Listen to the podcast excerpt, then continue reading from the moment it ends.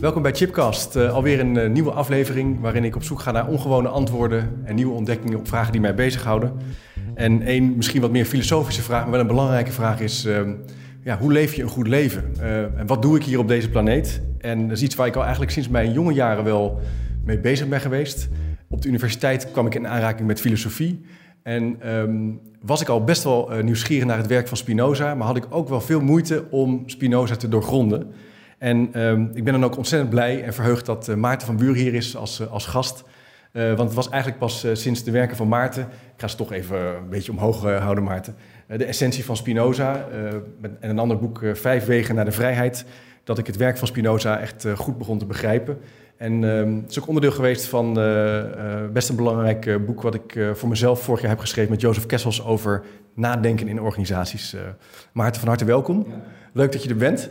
Um, we gaan, het, uh, we gaan Spinoza wat verder uh, verkennen. Uh, jij bent ja, Spinoza-kenner, mag ik wel zeggen. Zou je dat zelf ook zo omschrijven? Ja, nee, onderhand wel. ik ben er een jaar of tien mee bezig, nu fulltime. Dus nee, ik durf wel te zeggen dat ik daar nu wel al, alle naden en kieren van heb gezien. Ja, ja, je hebt niet alleen een toegankelijke boeken geschreven over Spinoza op hoofdlijnen, maar ook onder andere zijn ethica natuurlijk uitgebracht. En de vijf uh, sleutel, uh, zijn filosofie in vijf sleutelwoorden. 50, ja. Pardon, 50 sleutelwoorden. Vijf zal ja. wat weinig zijn. Ja. Um, zou je iets kunnen zeggen, misschien als korte inleiding over dat laatste boek, die filosofie in 50 sleutelwoorden? Wat kunnen lezers daarin verwachten?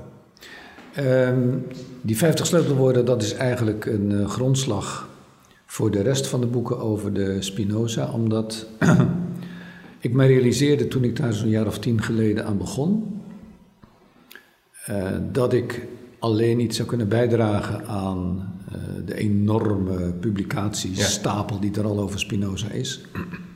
Als ik de sleuteltermen van Spinoza, denk maar aan reden, ratio of verstand of uh, passie, als ik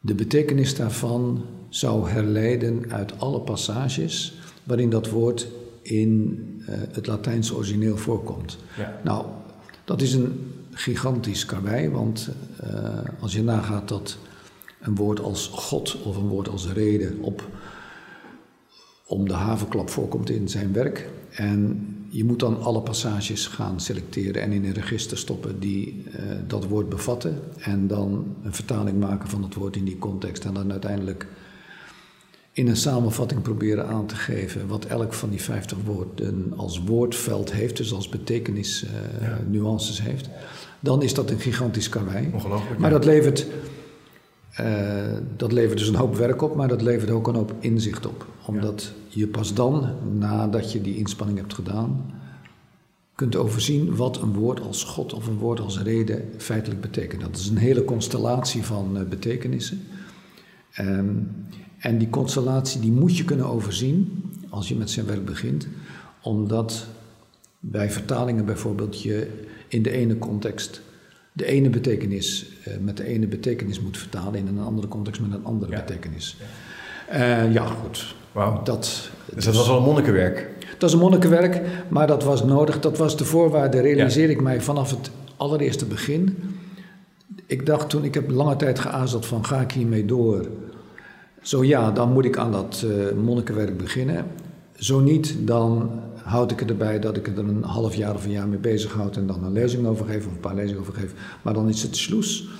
En toen heb ik uiteindelijk besloten na een gesprek met een uitgever dat het loonde om daarin door te gaan. En toen heb ik me aan dat uh, monnikenwerk gezet. En daar profiteer ik nog. Ik zit nog steeds in dat spoor, dus ik ben nu bezig met de vertaling van het politiek traktaat.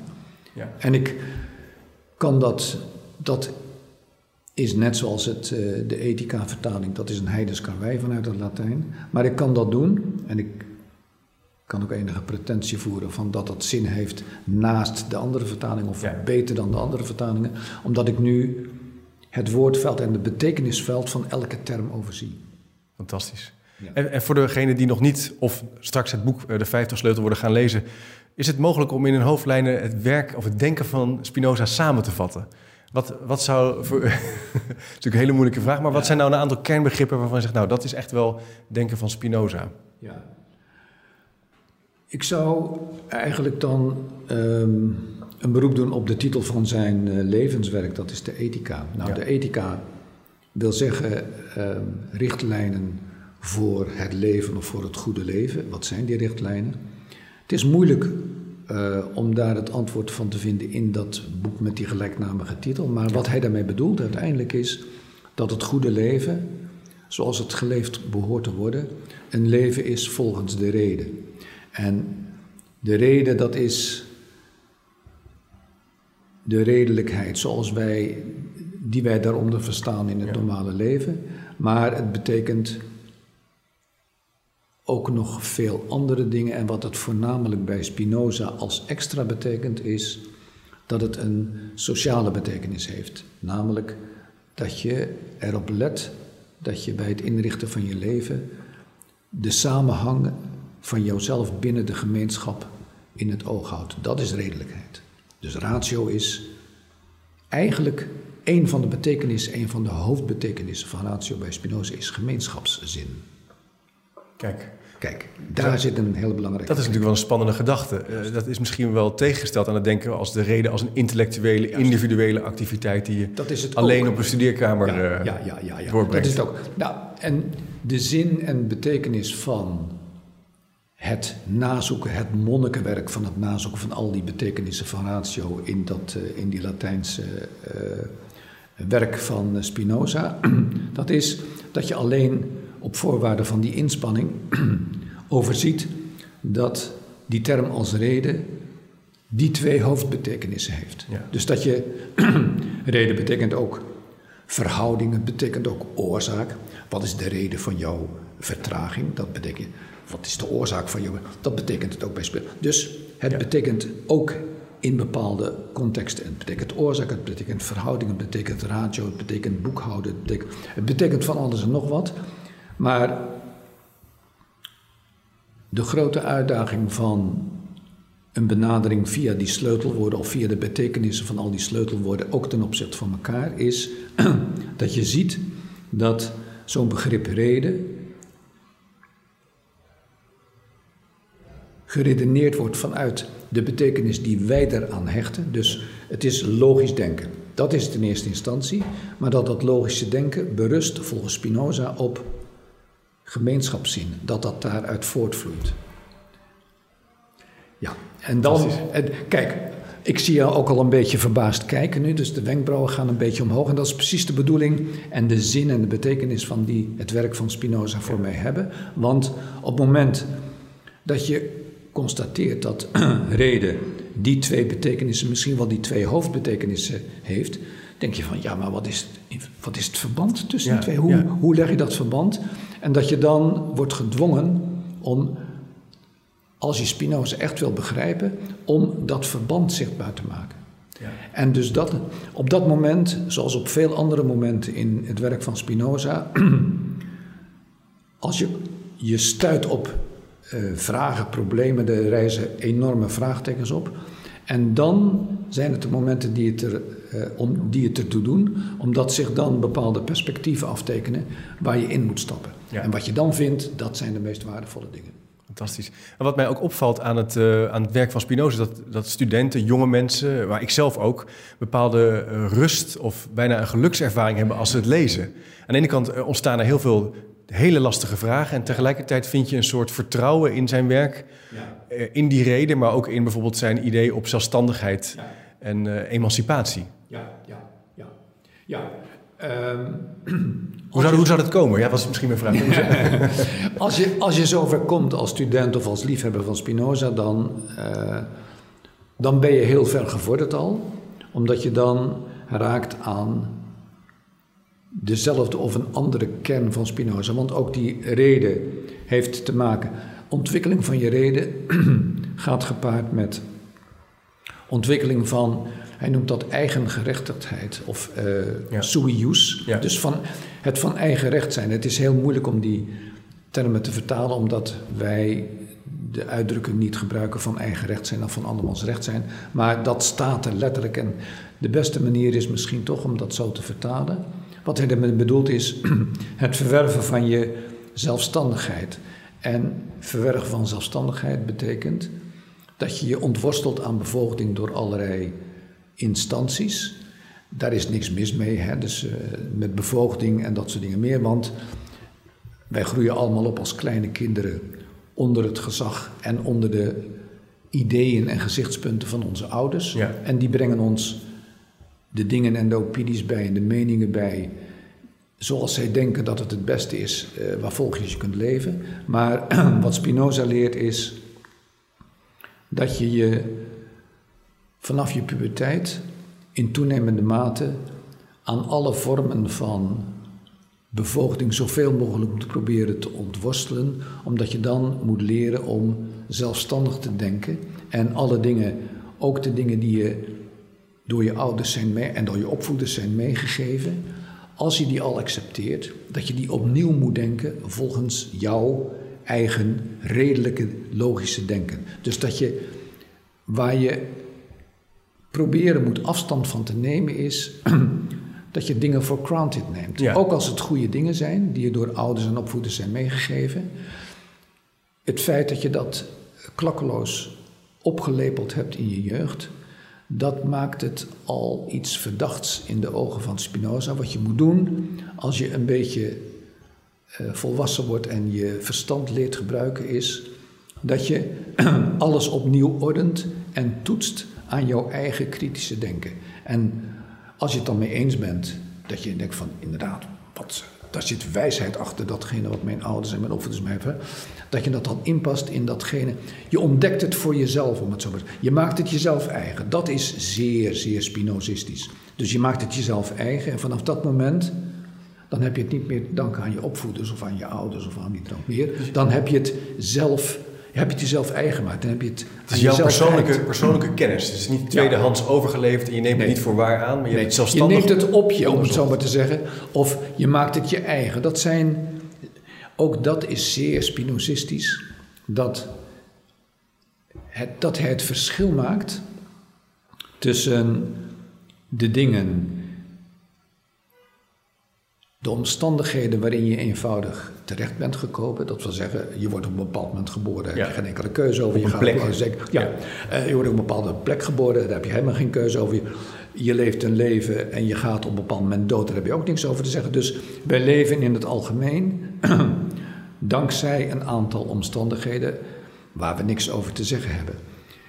Ehm, een van de belangrijkste, maar moeilijkst begrijpbare dingen van Spinoza is, is dat wij al deze dingen niet alleen moeten leren accepteren, dat is erg onspinozistisch om te denken dat je dingen moet accepteren eh, die je zijn gegeven, gegeven de omstandigheden van eh, waar je terecht bent gekomen, maar dat jouw eigen eigen gerechtigheid, jouw sui jus, jouw zelfstandigheid en de trots en je menselijkheid en alles, alles, alles wat belangrijk voor hem is, pas begint op het moment dat je hebt geleerd om je die omstandigheden eigen te maken. En er is een heel groot verschil tussen of je bijvoorbeeld ehm, ouder bent geworden of oud bent geworden, laat ik me rustig zeggen, zoals ik nu ben. Ja, ik moet opeens denken aan mijn dochter die dan zegt van, als ik dan zeg van god, ik word toch wel wat ouder. Ouder, zegt mijn dochter dan. Met de bedoeling van, zo'n stokoude man die probeert Ja, nog een beetje... ja. Goed. Dus om te zeggen, ouderdom. Ik kan daar tegenover zeggen van dat ik dat moet accepteren, omdat ik nu eenmaal Ja, is de 70, natuur. 70 jaar ben Ja. Het is de natuur en eh, als het aan mij zou liggen, dan zou ik het liever wat anders hebben en dan zou ik 20 jaar jonger zijn. Maar ja, goed, het is nu helemaal zo. Nee, dat is zeer onspinozistisch gedacht. Wat Spinoza zegt is van alles, jouw leeftijd, maar ook de alle, alle, alle andere omstandigheden zijn, zijn gedetermineerd. Daar heb je niks over te zeggen. Jouw houding daar tegenover moet niet zijn van dat je dat moet accepteren, omdat het nou eenmaal niet anders is. Jammer, jammer, jammer. Maar dat je je dat eigen moet maken. En dat eigen maken, dat is, in het Frans noem je dat assumer. Je moet het op je nemen, eigen maken. En dat is iets heel anders dan accepteren omdat het niet anders zo kan. Ja. En dat eigen maken betekent.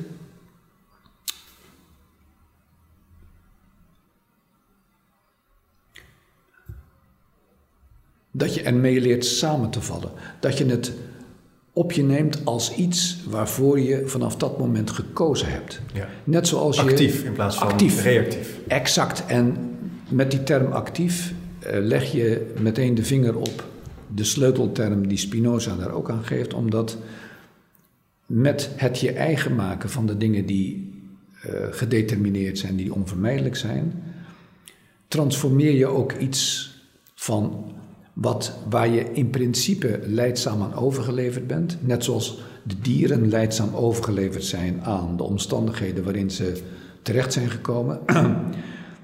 wij zijn in principe hetzelfde. Dus wij, Ja. ons leven is in principe niks anders dan dat van de koe in de wei daar of eh, van het mereltje in de boom. Het enige maar wezenlijke verschil dat wij als mens daarin kunnen maken is dat wij ons daarvan bewust zijn en dat voor eigen rekening kunnen nemen. Ja. Het ons eigen kunnen maken. En wat Spinoza dan zegt is dat wij, als wij in staat zijn die beweging te maken, maar dat is een hele moeilijke beweging, dat wij dan ons leven, dat in feite een, een leven van passies is, waaraan wij overgeleefd zijn. Passie betekent lijden aan, hè, zoals je misschien nog weet. Tegenovergesteld aan wat we tegenwoordig, tegenwoordig zeggen altijd van je passie en dat Ja. is allemaal, dat zou Spinoza... Dat, voor Spinoza is dat volstrekt negatief, want aan de passies overgeleverd zijn betekent dat je leidzaam, letterlijk leidzaam, aan de omstandigheden bent overgeleverd. En dat is het kwaad volgens Spinoza. En het goede begint op het moment dat je die passies volgens logisch denken en je reden transformeert tot acties. Dus op het moment dat je in staat bent om de dingen die jou overleveren aan, leidzaam overleveren aan de omstandigheden, om je die eigen te maken en, die, en daarvoor te kiezen, om het zo maar te zeggen. Ja. Dus te zeggen van, dat ben ik. Ik ben 70 jaar en dat is, ik sta daarin, in dat besef. Op dat moment verander je iets van die passies, dus datgene waar je overgeleverd bent, in actie. Ja, En bijna een soort emancipatie. ja, vanaf dat moment zit jij aan het stuur van je leven. stuur en van je dat leven. is, als je nu vraagt naar de kern van Spinoza, dat is dat. En aan het stuur van je eigen leven zitten, dat is soeus zijn. Ja. Dat is van eigen recht. Eigen regie hebben, Eigen regie hebben. gebruiken, Ja. accepteren hoe de natuur werkt. Ja, ja. En dat niet leidzaam ondergaan, maar daar, dat transformeren van binnen eh, in- innemen en Ja, vormgeven. Ehm, ja, dat doet me denken aan het citaat van een, een, niemands knecht, eigen meester. Hè? ja eigen Dus meester niemand krijgt. Dat, is, dat staat in de kern van Dat zijn is zijn- ja. ja. Ja, En het moeilijke. Kijk, als wij zeggen eigenmeester niemands knecht, dan denk je aan 80-jarige oorlog en je ontworstelen aan eh, overheersers en vijandige legers en dat soort dingen meer. Of aan bevoogding door mensen die het niet altijd met, eh, goed met je voor hebben. ja. Maar wat Spinoza bedoelt is veel moeilijker. Hij denkt in termen van de, alle omstandigheden waarin wij terecht zijn gekomen en die ons determineren. Dus het zijn niet zozeer de vijandige bevoogdingen of de betuttelaars waar wij ons vrij van moeten maken. Het zijn de omstandigheden waarin wij verkeren Ja. die wij ons eigen moeten maken in Ja. de zin van dat wij daar als het ware de keuze voor maken, dat we ons die eigen maken. Daar zit de beweging in. Het spannende is dat dat aan de ene kant dus een soort intellectuele beweging is. Een in, naar binnen toe, Ja. nadenken, kritisch kijken, durven denken. Ja. Maar dat is weer een andere filosoof, maar goed, hè, durf te denken. Ja, ja, ja, ja, absoluut. En tegelijkertijd een sociale beweging naar buiten toe Ja. in verbinding met anderen. Ja, ook dat zit erachter. Hoewel het in eerste instantie. Dus de verbreding zit hem eerst, in eerste instantie daarin dat het. Het is een daad van logisch denken. Het is een daad van kritisch denken. Dus wat hij je voorhoudt op elk moment is dat eh, je de hele dag krijg je dingen gepresenteerd Ja, eh, via nieuws en via eh, mensen met wie je omgaat, dat je ten opzichte van alles wat je waarneemt,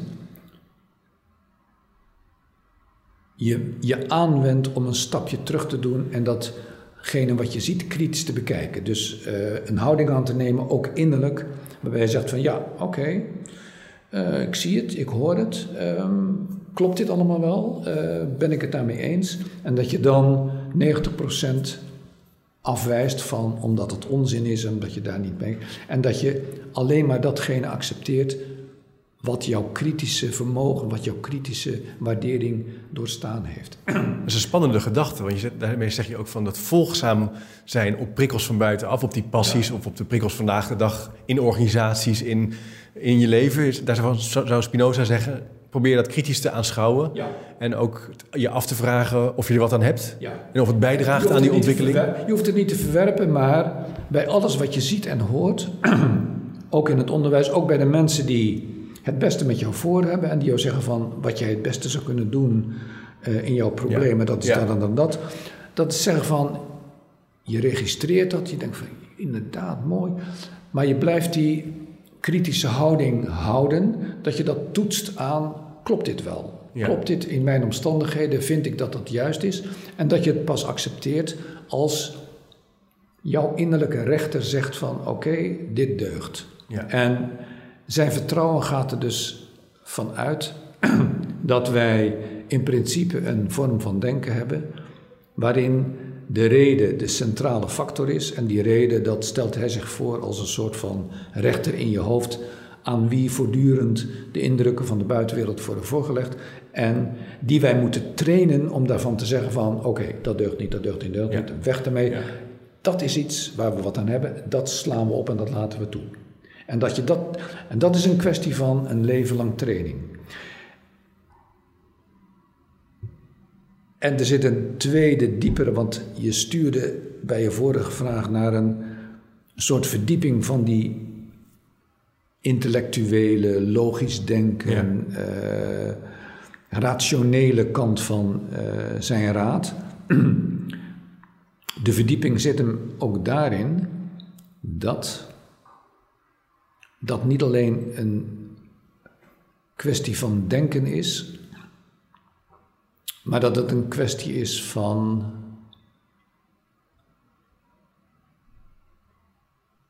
waar we het net over hadden, van eigen maken van de omstandigheden waarin je geworpen bent. In de zin van dat je dat beschouwt, dat je dat kritisch bekijkt, dat je daar de goede dingen van toelaat, maar het toelaten van de dingen waarvan je erkent dat ze juist zijn. Het zou heel naïef zijn om te denken dat dat een intellectuele keuze is. Dus om je die rechter voor te stellen als een intellectuele Ja. eh, instantie, die zegt: oké, dat zou betekenen dat je intellectueel weet wat goed voor je is, maar wij beiden weten van dat daarmee nog niet die zaak verinnerlijkt is. Daar heb je het nog niet eigen gemaakt. En de grootste en moeilijkste beweging van Spinoza, waar hij op aanstuurt, is die innerlijke eigenmaking. En daar zit de training in. En dus volgens mijn redenering en een van de dingen waar ik nu nog steeds mee bezig ben om Spinoza te verdiepen is dat als je je afvraagt tot wat voor soort van leven leidt dat, wat voor richtlijnen voor handelen geeft hij ons eigenlijk, dan zit dat in de brug die je maakt tussen dat kritische denken en een training, een leven lang training in de aanvaarding van de dingen waarvan je weet dat ze goed voor je zijn. Maar het is zo moeilijk om je dat eigen te maken en nog moeilijker om volgens die richtlijnen te leven, dat dat een training vereist waar je dagelijks mee bezig moet zijn. En ik, wat ik op het ogenblik aan het doen ben, is om voor mijzelf en misschien ook voor anderen in praktische termen te vertalen wat dat betekent. Ja, wat moet je dan, wat- hoe ziet die Wat training er dan uit, zou je bijna- niet Dat zou, En- vraag ik ook. Wat en moet je een dan van doen? de dingen waarop ik de laatste tijd steeds meer uitkom, is dat bijvoorbeeld meditatie daar een weg voor is. Ja, Ehm, waarom meditatie? Omdat meditatie, wat ik nu de laatste tijd weer zeer intensief beoefen, ehm, en wat me ook een heleboel rust geeft en wat mij in staat stelt om de dingen te realiseren die Spinoza mij voorhoudt.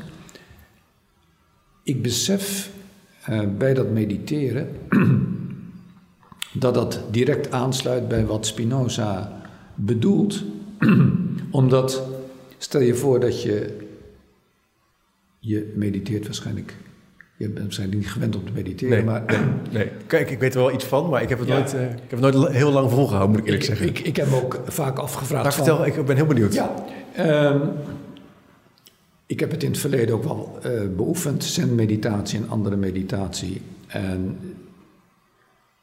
ik vond het wel prettig, maar ik vroeg me voortdurend af van waar doe ik dit eigenlijk voor? En Ja. er waren dan mensen die zeiden van dat er allerlei dingen moesten gebeuren. Er moesten blauwe punten verschijnen en daar moest je op trainen en dat Oké. soort dingen meer.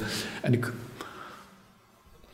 in principe eh, geloof ik wel dat het niet. goed voor me is, maar waarom zou je eigenlijk? Maar pas een paar jaar geleden ben ik weer opnieuw begonnen met mediteren.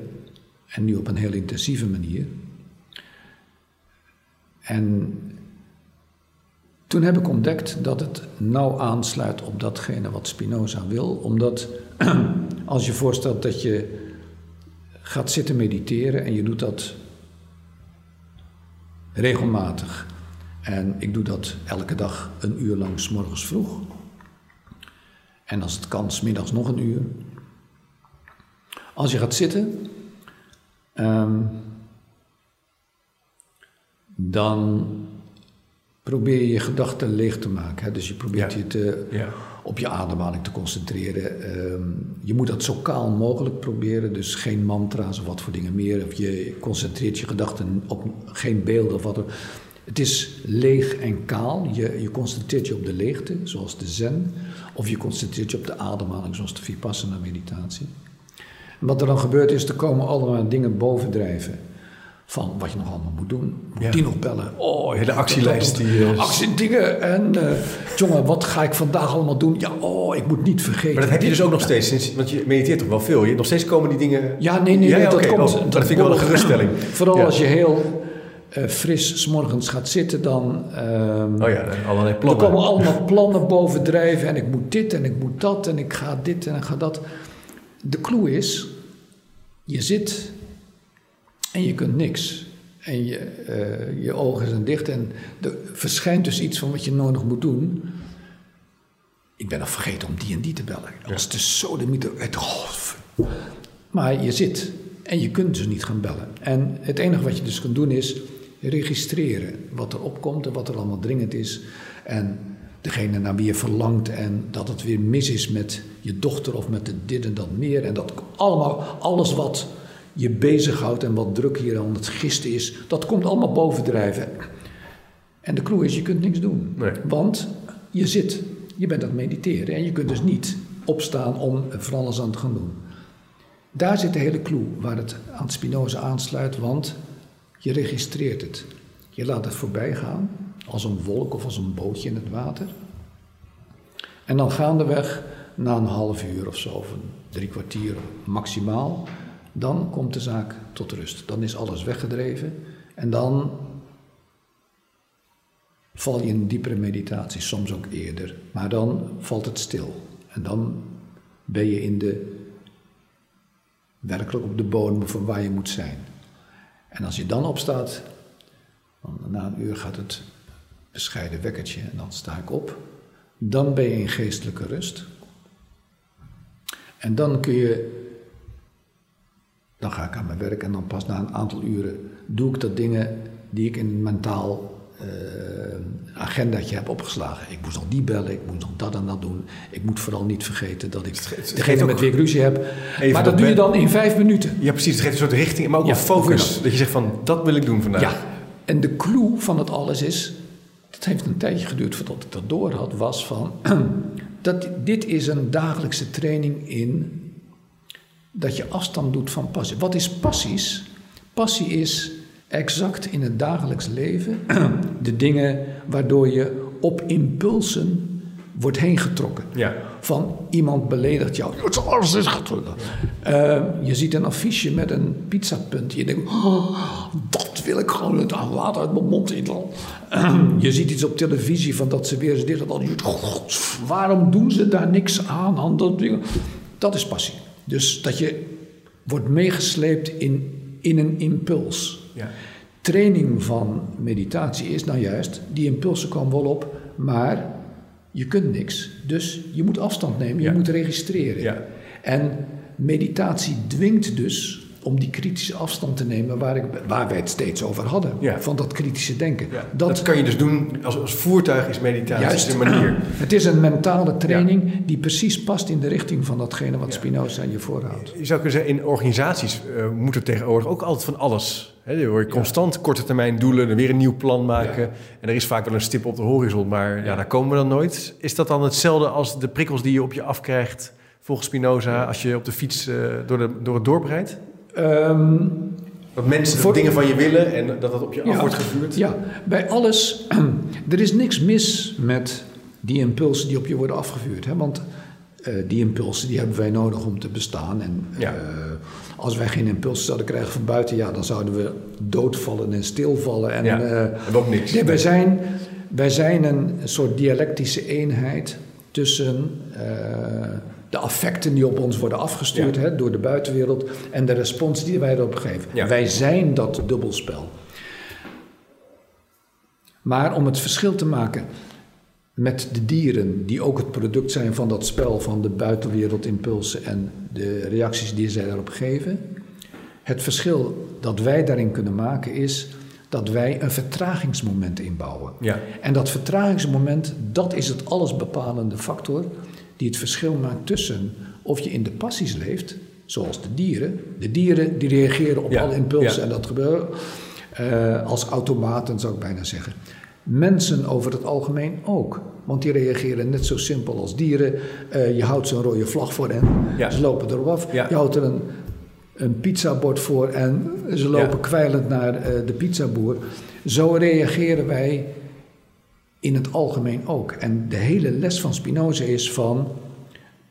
aan die impulsen is niks mis, alleen bouw een vertraging in. Dus stap, en stap bijna letterlijk één of twee stappen achteruit en zegt van... oké, dat ziet er lekker Zo uit. Moet, ja. um, is het goed voor mij om dat nu te nemen? Nee, ik heb net gegeten, dus dat is eigenlijk impuls waar ik uh, niks mee nodig heb. Ik loop eraan voorbij. Dus datgene wat je, je dwingt in meditatie te doen. Dat is alle impulsen voorbij laten drijven op wolkjes.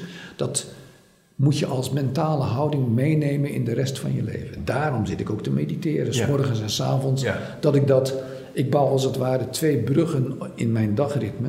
Dat ik daar de rest van de dag een mentale houding aan ontleen van afstand tot alle impulsen die op mij afkomen. En dus een dagenlang mentale training in het vermijden of het omzetten van passies in acties. Daar komt het op neer. Ja. Uh, een vervolgvraag die ik nog had over dat punt van uh, mediteren en reageren op prikkels, uh, is een, eh, eigenlijk een vraag van een van de luisteraars of ja. kijkers, Ashley Karsemeijer. Die vraagt zich af uh, Spinoza doet hiermee ook wel een uitspraak over het goede leven. Hè? Dat die criteria voor leven gaan dus over dat proces waar we het net over hebben gehad. Ja. Maar hoe weten we nou of dat ook echt het, het goede, de goede weg is? Kunnen we dat op enige zekerheid... Hè, de toetscriteria, als we het even in de wetenschap filosofie... zijn daar bepaalde criteria voor te formuleren? Of uh, daar, heb je daar ideeën over? Uh, het is moeilijk om ehm, te kijken of het waaraan je het zou kunnen toetsen. Spinoza zegt eigenlijk daar niks anders over dan dat dat iets van zelfevidentie heeft. Dus op het moment dat je weet. Dus als jij een leven lang bezig bent met je trainen in het transformeren van je passies in acties, eh, in het leven volgens criteria van redelijkheid, wat wil zeggen ook via gemeenschapszin leven en je verbetert je daarin steeds, dan behoor je vanzelfsprekend, zegt Spinoza, tot de groep van weldenkenden. En onder die weldenkenden verstaat hij maar een heel kleine groep van mensen ten opzichte van de onweldenkenden, want dat is ja. de rest. Ja. Daar moeten we duidelijk over zijn. Die weldenkenden, een van de kenmerken daarvan is die, die begrijpen elkaar omdat die met elkaar weten dat zij een heleboel leerwerk hebben moeten doen om het niveau te bereiken waarop ze elkaar in redelijkheid kunnen begrijpen. We hadden het net over politici, mensen die op een hoog verantwoordelijk niveau bezig zijn met uh, bijvoorbeeld uh, de brexit nu of de problemen met landen zoals Griekenland of Spanje of Italië die in economische moeilijkheden zijn en hoe moeten we dat oplossen. Daarin valt het me vaak op hoe kalm en eigenlijk makkelijk die met elkaar overleggen. Hoe passieloos, dat zou misschien het idee zijn. Daar worden geen onvertogen woorden gezegd, er wordt niet gescholden. Of, hoewel daar dingen worden gedaan waar je zegt van dat kan geen moment. En iedereen die voor de buis zit, die zit zich daar de haar uit het hoofd te trekken of te schelden of wat er nog meer. Nee, de mensen die erover moeten beslissen, die zijn heel weloverwogen en vriendelijk ten opzichte van elkaar, omdat die het niveau hebben bereikt van waarop zij begrijpen dat werkelijk belangrijke dingen die de hele samenleving betreffen en ook samenlevingen in het meervoud betreffen, dat je die alleen kunt regelen via redelijkheid. En dat die redelijkheid vereist diezelfde mentale houding die je opbouwt met meditatie en door afstand nemen, eh, die mentale houding in te bouwen waarin je eigenlijk alle problemen vanaf een bepaalde afstand beschouwt en daarvan ziet hoe je ze het beste in redelijkheid kunt oplossen. Ja, mooi.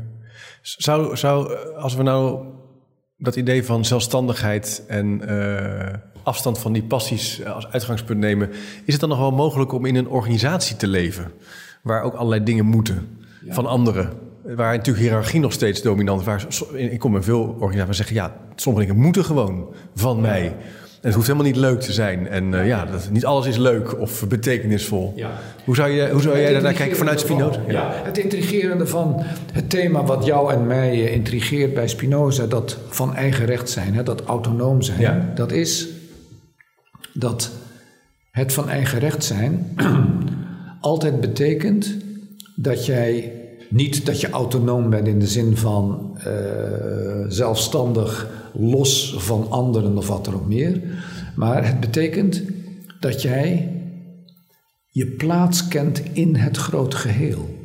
En dat is dus wat anders dan een naïef opgevat idee van autonomie. Dus wij zouden er verkeerd aan doen om het sui het van eigen recht zijn, te beschouwen als het je ontworstelen aan je hele omgeving. Nee, nee, nee, nee. nee. Tegendeel. Je, zegt, je, moet je plaats kennen in het geheel. Je moet je plaats kennen in het geheel. En dat betekent dat hij, hij geeft daar ook letterlijk voorbeelden van in de ethica, dat wij onze plaats, ons, wij moeten ons suius verwerven, onze zelfstandigheid verwerven, zoals een orgaan in het lichaam zijn zelfstandigheid bevecht, bijvoorbeeld een lever eh, die is, dat is een zelfstandig ding, want een leven moet precies weten wat hij moet doen om ons gezond te houden. Maar dat kan die alleen maar als hij zijn plaats kent binnen ons lichaam en zich aan dat lichaam ondergeschikt maakt. Dat wil zeggen dat hij in, het juiste, in de juiste verhouding komt, zegt Spinoza, tot de andere organen. En die verhouding, dat heet weer ratio bij hem. Dus de verhouding van de lever tot de andere de rest van het orgaan in het lichaam. En de reden waarom die lever bijdraagt tot het gezondheid van het hele lichaam, is dat hij zijn plaats kent in het lichaam. Dat wil zeggen dat hij weet hoe die lever zich redelijk moet gedragen. Dat wil zeggen in de juiste verhouding tot de rest van het Dus autonomie en zelfstandigheid is geen alibi om zomaar je eigen ding te doen en je te een tegenbeweging, tegenbeweging te organiseren, maar je plaats te kennen je in je dat systeem. in de organisatie waarbinnen jij functioneert. En je functioneert altijd binnen grotere geheel. Of dat nou een gezin is, of een familie is, of een organisatie of een bedrijf. Wij functioneren binnen diverse grotere gehelen. En de kunst is om je zelfstandigheid, je, je, autonomie te bevechten. In de zin van dat je in elke organisatie, in elk grote geheel, de juiste plaats vindt. Om bij te dragen en dus ook je te onderschikken aan het belang van dat grote geheel waarbinnen je functioneert. En dus het schijnbaar paradoxale zit hem daarin dat je je eigen recht verwerft door je op de juiste momenten ondergeschikt te maken aan de grotere geheel waarbinnen je functioneert. En dat daarin geluk schuilt. Daarin schuilt geluk. Daarin schuilt geluk. Ja. Ik zou nog eh, graag een andere vraag willen stellen, Maarten. Ehm, eentje die mij nog wel uh, uh, prikkelde was, wordt gesteld door Willem Noorbruis. en die zegt, ja, Spinoza onderscheidt volgens mij, volgens hem, drie soorten kennis. De zintuigelijke kennis, de begripsmatige kennis en de intuïtieve kennis. Ja. En hij vraagt zich af hoe we tegenwoordig die laatste, en volgens Spinoza de hoogste vorm van kennis, kunnen overdragen of kunnen leren. Ja, heeft u daar gedachten over? Zeker. Het klopt inderdaad dat er drie soorten kennis zijn. Maar het belangrijkste wat ik zou kunnen antwoorden op die vraag, dat is dat, die, dat het niet drie afzonderlijke vormen van kennis zijn, maar dat die met elkaar in interactie zijn. En als je dus afvraagt van hoe je de intuïtie, dat is volgens Spinoza de ogenblikkelijke kennis van de waarheid, die we allemaal in ons dragen, hoe je die zou kunnen ontwikkelen, dan zegt Spinoza dat kan, maar dat moet je doen in een soort dialectiek, in een soort interactie met de reden. Ja. En de reden, dus de interactie tussen de reden. Wat je moet doen is dat je het intuïtieve inzicht in datgene wat je moet doen, en dat hebben wij allemaal, dat hebben wij net zo goed als de dieren. De dieren weten automatisch wat ze moeten doen om zich in stand te houden, om, dit, om goed hun dierenleven door te komen. Nou, dat instinctieve, intuïtieve vermogen hebben wij ook allemaal. Dat is de richtlijn waarvolgens wij handelen. Ehm, maar de mens verheft zich boven de dieren doordat hij die intuïtie kan ontwikkelen in samenhang met de reden. En daar opent zich weer zo'n interessant perspectief bij Spinoza, want als je Spinoza goed leest, lijkt het zo te zijn dat de mens achterblijft bij de dieren, omdat de mens verleerd heeft om instinctief, intuïtief te handelen. Dat wil zeggen, juist te handelen en volgens de waarheid te handelen. En dat er voortdurend redelijk denken tussen zit dat hem op dwaalsporen leidt. Want er wordt ons van alles ingelepeld en voorgehouden van wat we moeten doen. En dat betekent, zegt Spinoza, dat wij de neiging hebben om te vergeten wat de intuïtie ons influistert, wat waarheid is. En dus de rare paradox is dat wij vaak op dwaalwegen worden geleid door onze reden, waar de dieren de juiste beslissingen zouden nemen. Ja. En wat Spinoza dus bepleit is, er is dus helemaal niks mis met die intuïtie. Integendeel, het is de hoogste vorm van kennis, waar wij aan God raken, dus waar wij het, het, is een soort antenne waarmee wij ingeschakeld zijn op de, de grote gehelen waarvan wij afhankelijk zijn. maar dat is bij ons een soort stemmetje in ons achterhoofd geworden.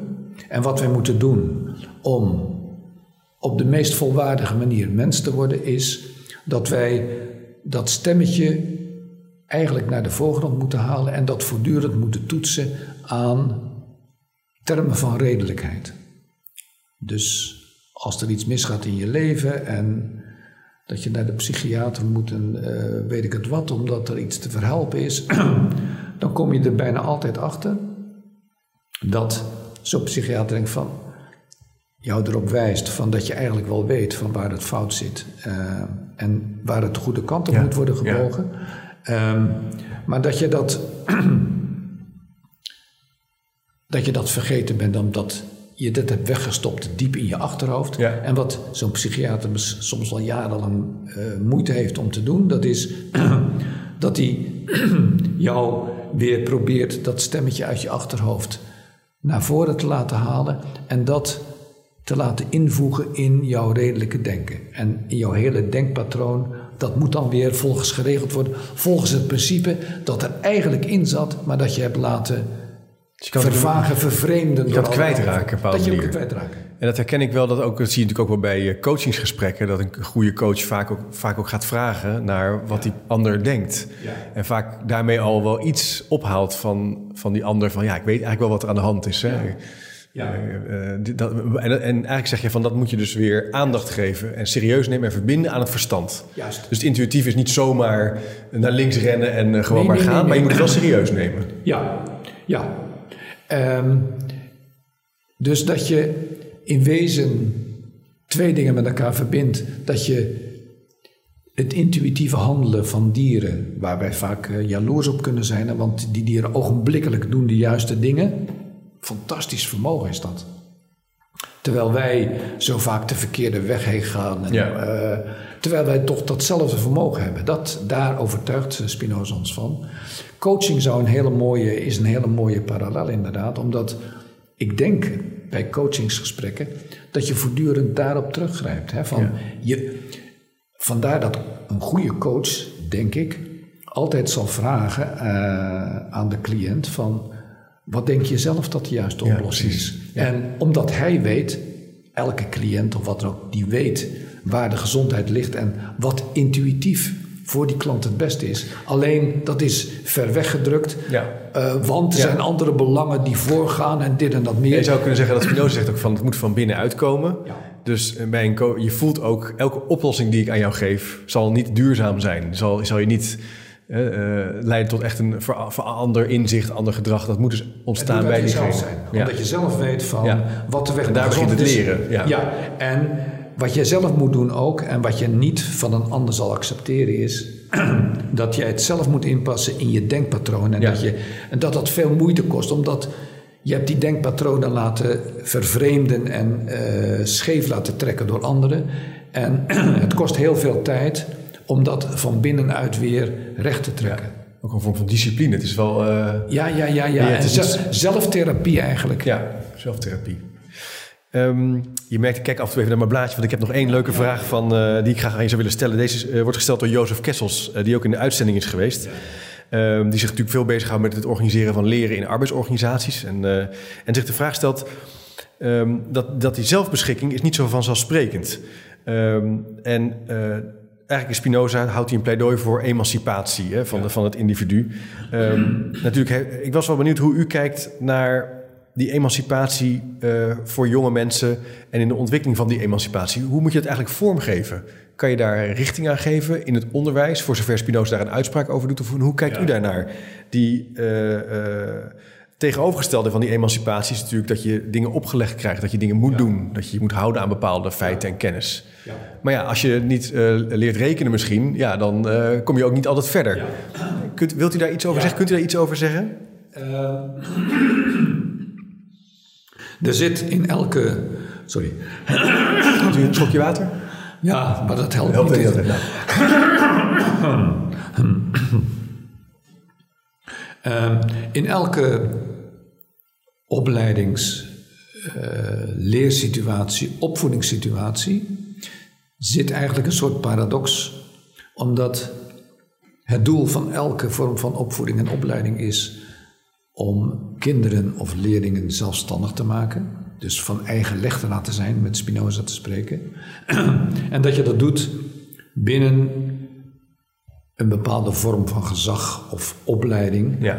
die eigenlijk haaks lijkt te staan op die zelfstandigheid. Dus je kunt het vergelijken het beste met de opvoeding van ouders eh, door ouders van kinderen. Ook daar gaat het erom, in mijn idee in elk geval, dat je kinderen opvoedt tot zelfstandigheid. Ja. Dat is het hoogste wat ik kan bereiken bij mijn kinderen. Maar dat doe je vanuit ouderlijk gezag. En dus ontstaan er voortdurend situaties waarin het ouderlijk gezag botst met datgene wat die kinderen willen. Want als ouder zeg je dan van, ja maar het beste voor jou nu is dit en dat meer. Doe maar wel even zo, En dat is was eigenlijk strijdig met datgene wat je die kinderen daar... Want Ja. je wilt hen opvoeden tot het nemen van eigen beslissingen. Dus daar ligt voortdurend een spanningsgebied. De oplossing die ik daar zelf voor heb...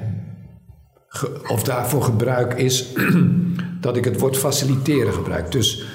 Ehm, wat je als ouder zou moeten doen, vaak een discussie gehad met mijn ex over de opvoeding van Ja, kinderen. kinderen in die spanningssituatie. En dat is dat ik voortdurend herhaal dan dat wij ouders de opvoeding faciliteren van die kinderen. Dus wij maken de omstandigheden zodanig dat zij zich het beste kunnen ontwikkelen tot zelfstandigheid, maar zij moeten het doen. Ja. Dus, eh, en ook als zij wat ouder worden, kinderen op elke leeftijd, net zoals leerlingen of mensen in een bepaalde opleidingssituatie, die hebben allemaal hun eigen verantwoordelijkheden. Het enige wat wij kunnen doen als opleiders of als ouders is, ik zal maar zeggen, de leerstof aanbieden. En de omgeving de, weg, mogelijk maken. De mogelijk maken, de weg wijzen en zeggen van volgens mij zit de weg van ontwikkeling zit daar en daarin. En de mogelijkheden aanbieden waarop die mensen kunnen instappen. Maar zij moeten het zijn die op die weg stappen en daar de stappen in zetten. Je kunt alleen maar begeleiden, maar je bent nooit anders dan een coach die aan de kantlijn staat. Dus je kunt alleen maar roepen van de kantlijn: ja. hup, ga door, zo gaat het goed. Je gaat een beetje mee op reis met ze, maar je bent, niet dezelfde reis aan het Nee, uh, en je hebt zeker niet de verantwoordelijkheid voor de dingen die zij in het veld doen. Het is een coach van een, van een voetbalploeg. Dus die jongens op het veld moeten het doen. Jij kunt alleen maar faciliteren door de beste omstandigheden te creëren waarin zij kunnen presteren. Ja, fantastisch.